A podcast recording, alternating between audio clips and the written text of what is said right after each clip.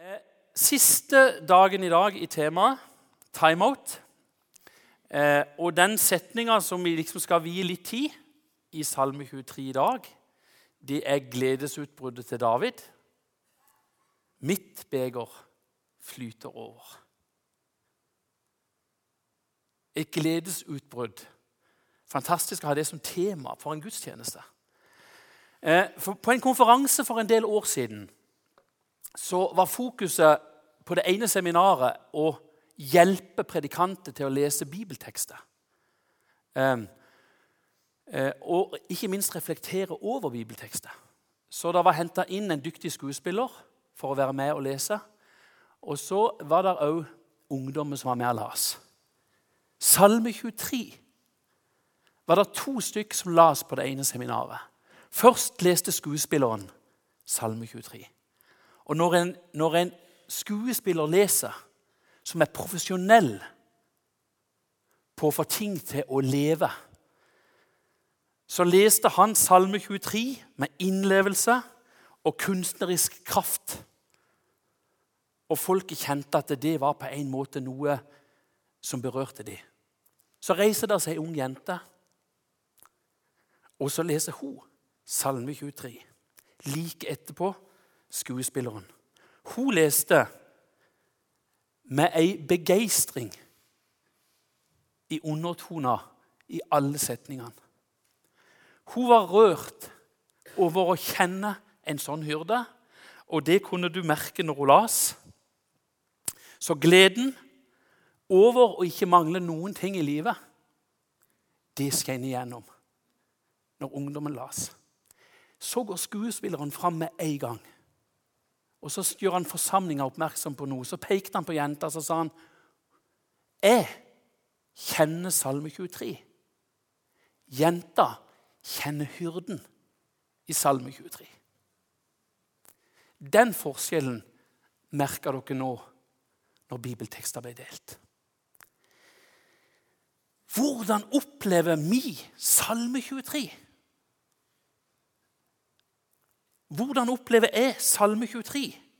Et gledesutbrudd av kong David over å kjenne Gud og oppleve Gud i livet sitt. Han uttrykker glede over nærhet med Gud. Det var ikke skummelt for David. Han hadde nok tider der det ikke var like lett, men han opplevde glede over det. Og så kjente han glede over å erfare og investere tid sammen med hyrden.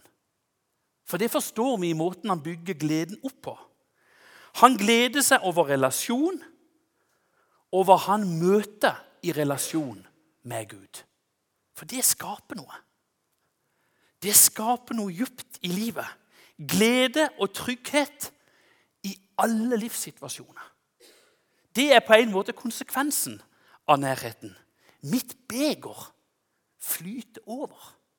Mitt beger flyter over, sier kongen i djup begeistring. Nå har vi fokusert på overheadingen timeout. Det er liksom et ønske med å fokusere og formulere det på den måten.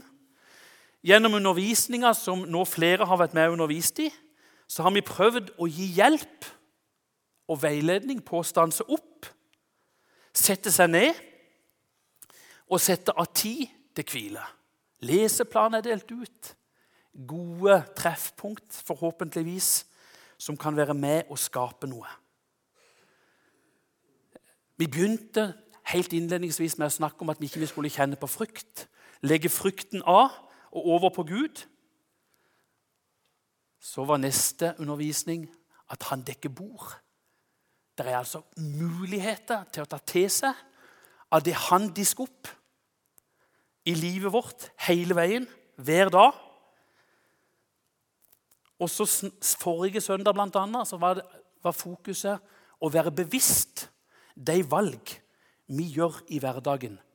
Være smarte og bevisste i måten vi disponerer tid på i forhold til alle alle kommunikasjonsmuligheter vi har i dag på sosiale ting, alle medier som omgjøres, tida og fokus på å være nær andre eller å være nær de nærmeste, og ikke minst nær oss sjøl.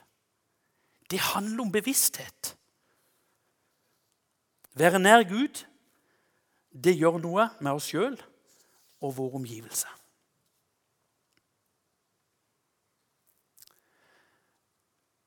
Dere, det som går mer og mer opp for meg når jeg jobber med denne bibelteksten, det er at Salme 23 viser oss at når vi legger oss over i Guds hender og inn i ledelsen han har for oss, at det virkelige livet starter. Da snakker du ikke om kristenliv, men da lever du kristenliv. Det er det Salme 23 så fantastisk viser oss. Du salver mitt hode med olje. Mitt beger flyter over. Jeg stiller meg disponibel, Gud, for at du kan overøse mitt liv og endre mitt liv. I Midtøsten så var det veldig vanlig Helt ifra gammelt av kan du se dette i Bibelen, og du kan se det framover i Bibelen. At det var vanlig når du ville hedre en gjest, så salver du hodet hans med velluktende olje.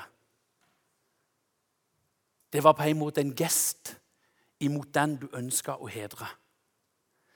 Ehm, jeg har lyst til å si i formiddag at jeg tror Gud i Salme 23 ønsker å vise oss en mye dypere virkelighet enn en gest i Salme 23 i måten det er bygd opp på her. Handlinga viser til noe større.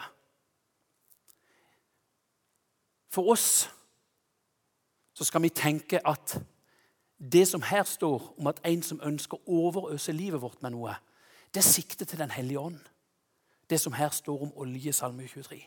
Og Da blir det spennende å se på det uttrykket som der står så fint i Bibelen.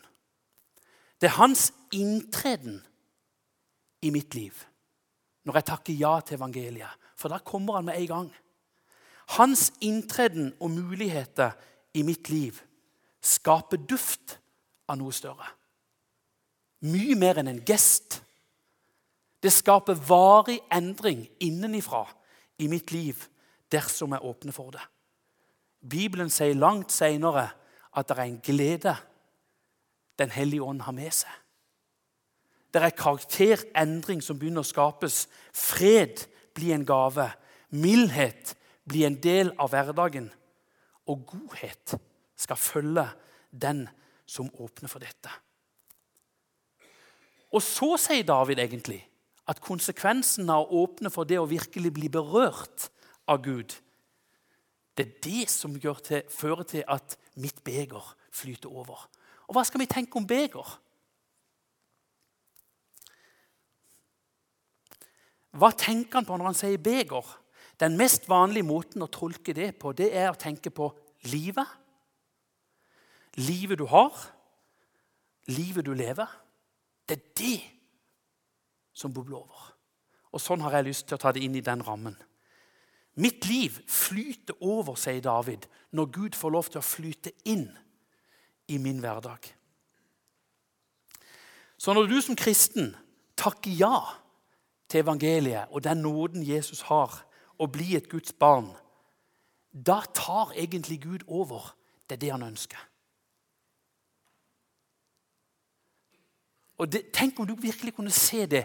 Han ønsker fra det øyeblikk å ta over styringa av ditt liv.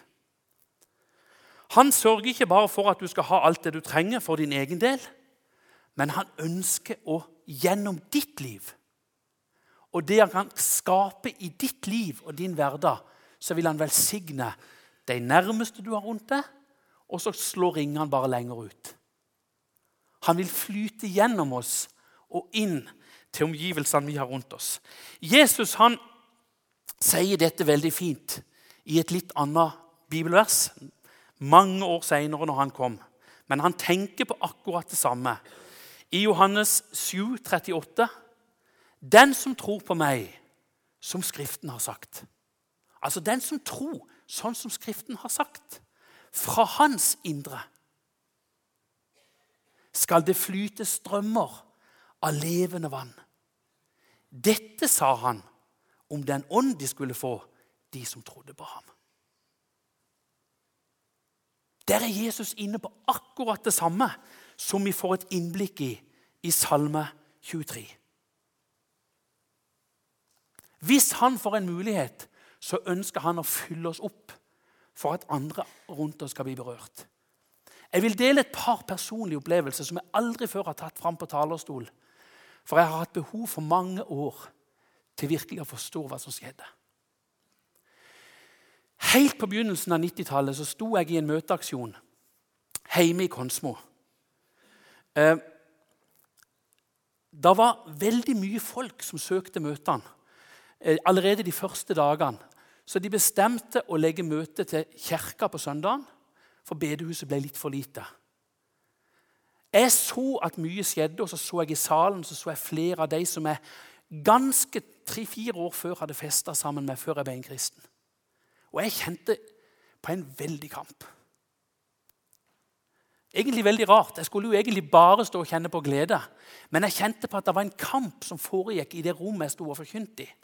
Så når lederen på bedehuset stansa meg på søndagskvelden, og Marit Stokken som var der og talte, og sa at de har møtene når vi fortsetter, så kjente jeg på en måte på uvilje i mitt liv. Jeg tenkte at denne kampen orker ikke jeg stå i. Så istedenfor å si det sånn rett til de lederne, så sa jeg det litt mer fordekt. Og så sa jeg jeg må tenke på det til tirsdag. Og jeg så de største for jeg tror ikke det var så vanlig at en predikant sa det. Men det var min opplevelse. Mandagen brukte jeg helt spesielt. Vi bodde i Hamran da. Jeg kjørte opp til Flesland, der jeg i dag bor. Og så gikk jeg opp på en nydelig topp. Ikke for å gå på jakt, men for å søke noe større. Jeg gjorde noe som jeg kanskje bare den ene gangen i livet har gjort. Jeg lå to timer på ryggen og så på skyfarten. Kjente meg rysta, men kjente at noe var like i emning på en måte og var i ferd med å komme. Så begynte jeg å be. Så sa jeg til Gud du ser, dette har ikke jeg oversikt over. Og jeg kjenner på redsel så kjente jeg, Mens jeg lå sånn og hvilte, så var jeg bare stille lenge. Så kjente jeg plutselig at jeg begynte å bli opptatt med Guds storhet. Begynte å bli opptatt med at det var jo han som skulle kanskje gjøre noe i disse møtene. Og så begynte jeg plutselig å skjønne det at hvis hyrden nå får på en måte ta over både vandringa og det som nå skal skje, så kan jeg jo bli med på noe helt nytt. Jeg kjente plutselig at frykten seig ut. Stillheten ga meg først hvile, så refleksjon. Og så kjente jeg nærhet av Gud. Så når jeg gikk ned til Bjørnmyra og ned til bilen, så tenkte jeg jeg skal stå sammen med Gud i dette. Og så opplevde jeg å se at det som der ble beslutta i Lynga, endra liv. Og mange av mine nære venner ble kristne.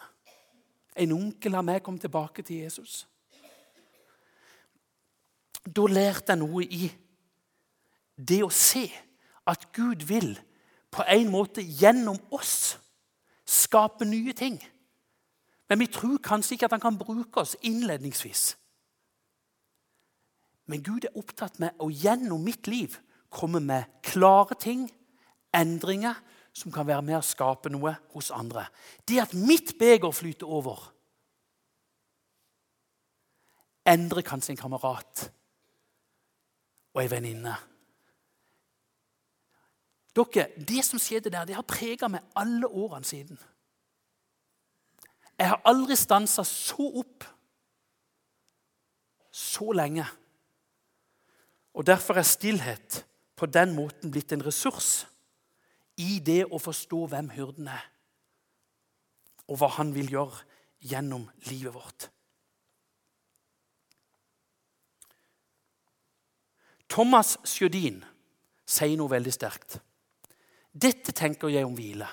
Altså det å dra ned pulsen og stoppe helt opp. Hvile er ikke det siste sukket av utmattelse, men åpning for nye begynnelser. I kjærligheten, på jobben, i kreative prosesser, i dannelsen av det mennesket jeg ønsker å bli, eller kanskje ikke engang vet jeg ønsker å bli.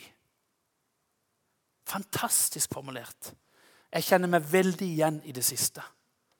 Jeg var egentlig ikke klar over det som var i ferd med å starte på en spennende ny måte i liv og i tjeneste. Gud ønsker på en måte å vise, tror jeg, gjennom den serien vi har hatt, gjennom timeout, at tid til å hvile og måten vi hviler på, er helt avgjørende for hvordan vi går videre i livet. Gud ønsker ikke at vi bare skal snakke om hvile, men samtidig alltid snakke om at ikke vi ikke har tid til å hvile.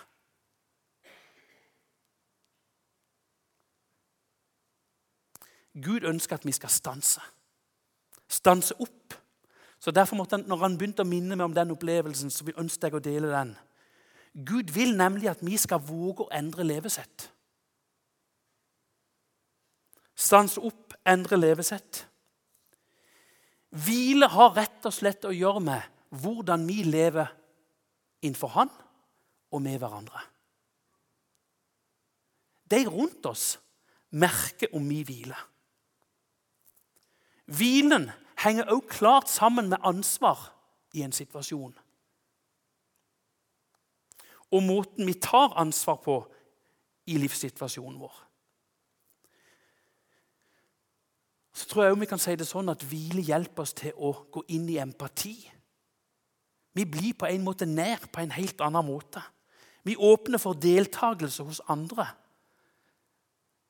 Mye mer søkende og lyttende å bli ekte som menneske. Du snakker ikke til en person, og så ser du bak han, eller står på telefonen og lurer på hvordan han har det, men du legger vekk alt. Og så skapes noe. Noe djupt og noe ekte. Det er når vi trekker oss ut av høygirjaget, av stresset som vi så lett kan snakke om, og setter oss ned i stillheten eller legger oss ned i lynga, da kommer refleksjonen. Da åpner vi faktisk opp for et dypere engasjement i livet. Jeg kunne ha nevnt flere ting sånn som jeg har hatt, gleden av å oppleve sjøl. I stillheten med et vann. Eller andre plasser der jeg har lytta til Gud og Guds vilje. Dette ønsket Jesus å vise disiplene i en livssituasjon som for dem var veldig spesiell.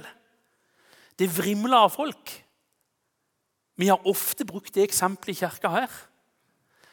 Men hør dere, det var mye nød og behov i folket som var rundt Jesus, og det var flere tusen. Og jeg, litt, jeg, jeg ville tenkt i sånn en situasjon at det, altså, her jobber du overtid, Jesus. Her, her runder du ikke av dagen. Her kan du kanskje jobbe gjennom natta òg og be alle disiplene rundt deg og virkelig brette opp armene. Men i en situasjon med store utfordringer rundt så melder det seg et behov hos Jesus som er helt akutt for å være til hjelp for de som er rundt ham. Og han visste at disiplene hadde det på samme måten.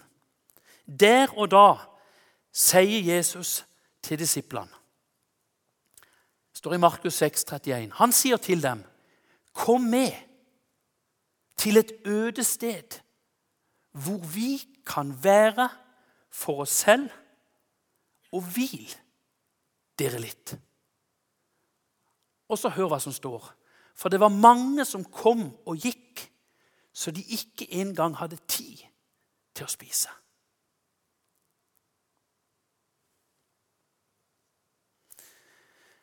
Jeg vet ikke hva du tenker om den bibelteksten der. Men jeg tror kanskje mange av oss kan, kanskje kan kjenne oss igjen i det at vi kommer og går Og betrakter kirkeliv, menighetsliv, Bibelen bare fra utsida. Og har noe av det der rastløse og stresset i fottrinn og i levesett. Er vi åpne for den stillheten som Jesus inviterer til avsides, hvor vi kan være for oss sjøl? Hør på måten han sier det på, hvor vi kan være for oss sjøl. Nærhet. Du trenger refleksjon i valget du nå skal ta, i skrittene du nå skal gå.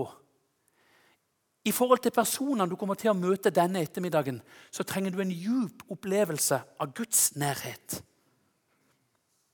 Får han anledning til å ta oss inn på den måten?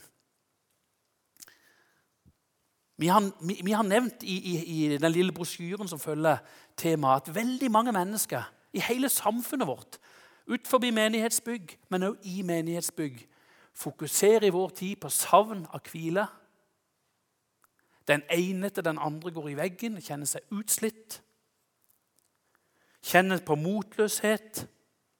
Det er mange muligheter, kanskje altfor mange muligheter, og så sliter folk å velge. Livet er ikke overflod, sånn som David vitner om. Veldig mange kjenner ikke på et beger som flyter over. Og hvorfor er det sånn? Jeg kom til å tenke på en samtale i Bibelen som jeg ønsker at du skal se inn i for å på en måte få hjelp i den situasjonen. Det er en samtale mellom to apostler, Paulus og mye yngre Timoteus. Som eh, Det er altså så flott veiledning. Timoteus kjente på motløshet og at han var på hælene i livet. Og Det var flere forskjellige grunner til det. Det skal vi ikke gå inn på. Men han var i en sånn situasjon der han var på hælene, kjente på motløshet, og at han ikke hadde grep rundt situasjonen eller livet. Så vender Gud seg til Timoteus gjennom en god kristen bror, Paulus, og for å bruke litt egne ord i den veiledninga som der kom Gud så at Timoteus trengte timeout. Og Da sender han ofte noen inn til oss i en sånn situasjon. Gud ville hjelpe en ung apostel til igjen å oppdage hva Gud hadde gitt hans liv, og den utrustning Gud hadde gitt hans tjeneste. Og så ville han gjennom det å bevisstgjøre han på det, hjelpe han til å utvikle de gavene og de mulighetene og den strømmen Gud hadde lagt til rette for i hans liv. Akkurat sånn ønsker Gud i møte med deg og meg å si Jeg kan gi deg en ny brann. Jeg kan skape trygghet og stabilisere din livssituasjon. Jeg ønsker gjennom Den hellige ånd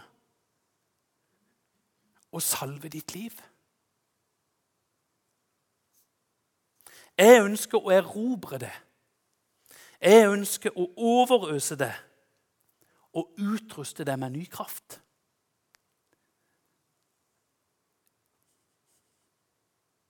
For en sjelesorg. For en samtale.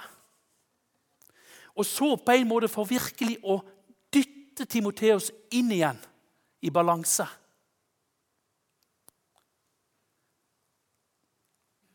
Så sier den mye eldre med tyngde Paulus sier i 2. Timoteus 1,7.: For Gud ga oss ikke motløshetsånd, men krafts, kjærlighets og sindighetsånd.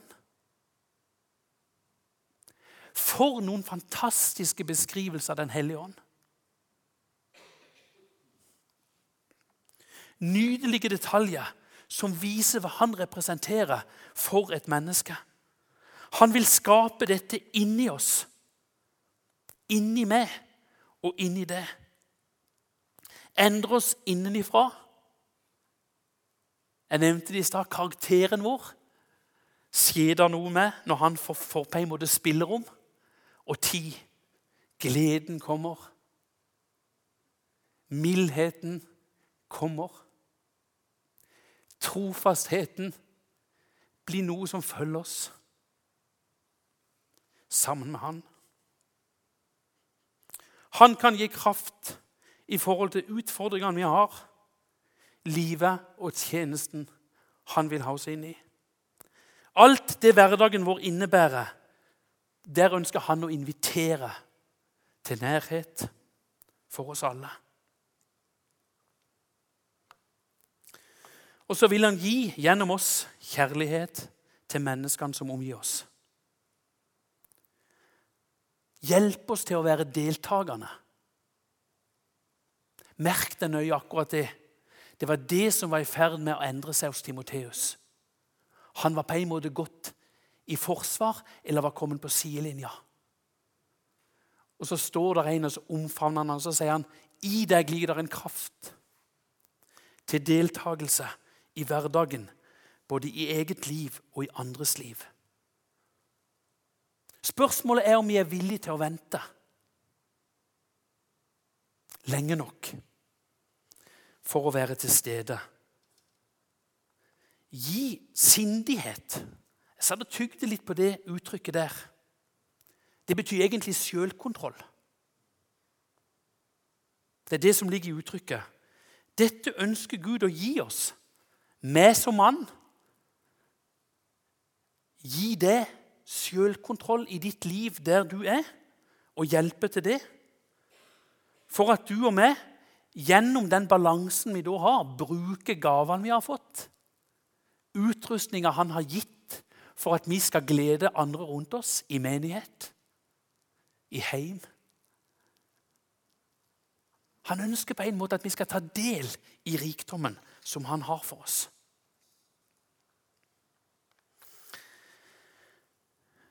Dere, For noen år siden så eh, opplevde mange av dere som vet om det, men jeg har aldri nevnt det sånn før. Bente ble syk i, i en fase av livet der vi hadde to små krabater hjemme. Så fikk hun virus. Legene sleit med å stille diagnosen fort nok. Det gikk ganske lang tid før de fant ut hvilket virus som var et problem for Bente. Og eh, hun opplevde i den tida å få at angst begynte å bygge seg opp. En indre uro. Mista litt av kontrollen i noen situasjoner. Eh, det gjorde noe med oss som familie. Eh, en dag så sa en lege til meg på legesenteret i Lyngdal Henning, sa han, nå må du ut av møtevirksomhet, for jeg reiste da som evangelist. Nå kan ikke du stå ute i tjeneste. Nå kaller heimen på ditt liv på en ny måte. Nå må du være mann og pappa. Der og da så tenkte jeg oi, men han som sa det, sa det med varme. Han var troende og hadde lang livserfaring. Så skjønte jeg én ting. Nå kommer det et temposkifte på en helt ny måte i mitt liv. Jeg hadde behov av å være deltakende på en ny måte med de nærmeste, for omstendighetene hadde endra seg en periode på noen måneder oppe i de årene kjørte jeg Bente til en dyktig fagperson for gode samtaler og hjelp til gode prosesser. Jeg satt i bilen en time da og venta hver gang. Det er noen av de fineste timene jeg har hatt. Jeg satt i stillhet.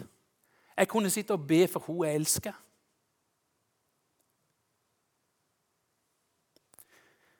Og så kjente jeg at det gjorde noe med meg. Empatien kom på en ekte måte.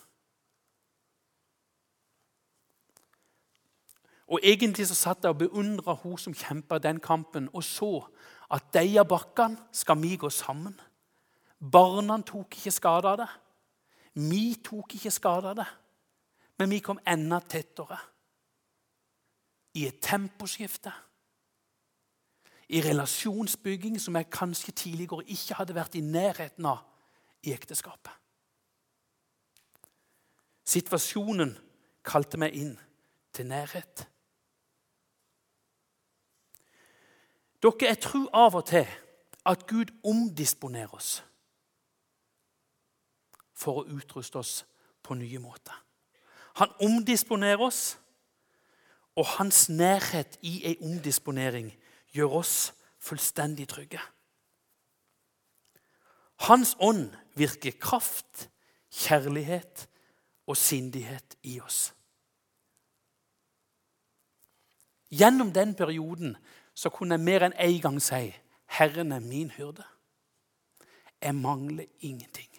Mitt beger flyter over. Det er flere i salen som helt sikkert har kjent noen av den samme dybden i tårer eller i spørsmål. Så stiger Gud ned og så inn med en ny tyngde. Thomas Jødin sier en ting. Det brukte Jim forrige søndag. Men en gang jeg hørte det, så tenkte jeg det tar vi en repeat på neste søndag. For dette passer rett inn i den erfaringa jeg nå har delt med dere. Når såkornet har havna i jorda, inntar en tid av stillhet.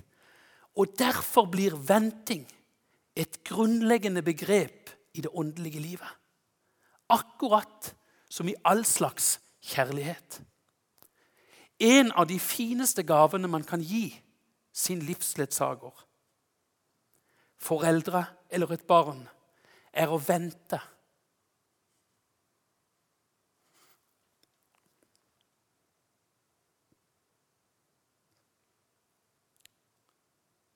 På personen. I alle livets endringer og variasjoner. Det er dette det handler om, dere. Det står i boka det er mye man ikke må. Jeg syns òg det er fantastisk formulert og helt sikkert òg prøvd i hans liv. Jeg skal snart gå mot avslutning. Jeg, har sagt til dere før at eh, rett før min pappa døde, så, så levde han Han levde i grunnen store deler av livet i Salme 23, men voldsomt den siste månen. Så alle som var inne og sa ha det til han, og takte for, for eh, fellesskapet jobbsangen, eller i livet, de fikk setninga 'mitt beger, fly, flyter over'. Og Det var det siste pappa sa til meg før vi sa på gjensyn. Mitt beger flyter over. For en avskjed. Og Sånn ønsker jeg òg på en måte å gi avskjed den dagen jeg sjøl reiser. Og Da har det ganske enkelt med valget vårt og tilnærminga til livet som avgjør. David hadde valgt en livsrytme i balanse. Det er det Salme 23 egentlig viser oss. Herren er min hyrde. Timeout var en del av kongens liv hver dag. Han lot seg lede til hvile og kraft. Og han mangla ingenting. Mitt liv flyter over, sier kongen. Og så sier han så sterkt La oss avslutte med, den, med, det, med det verset. Bare godhet og miskunnhet skal etterjage meg alle mitt livs dager. Det er akkurat som han sier hvis jeg lever sånn, så vandrer jeg i godhet alle mine dager. De vil etterjage meg, de vil følge meg. Som noe konstant som ligger over livet mitt.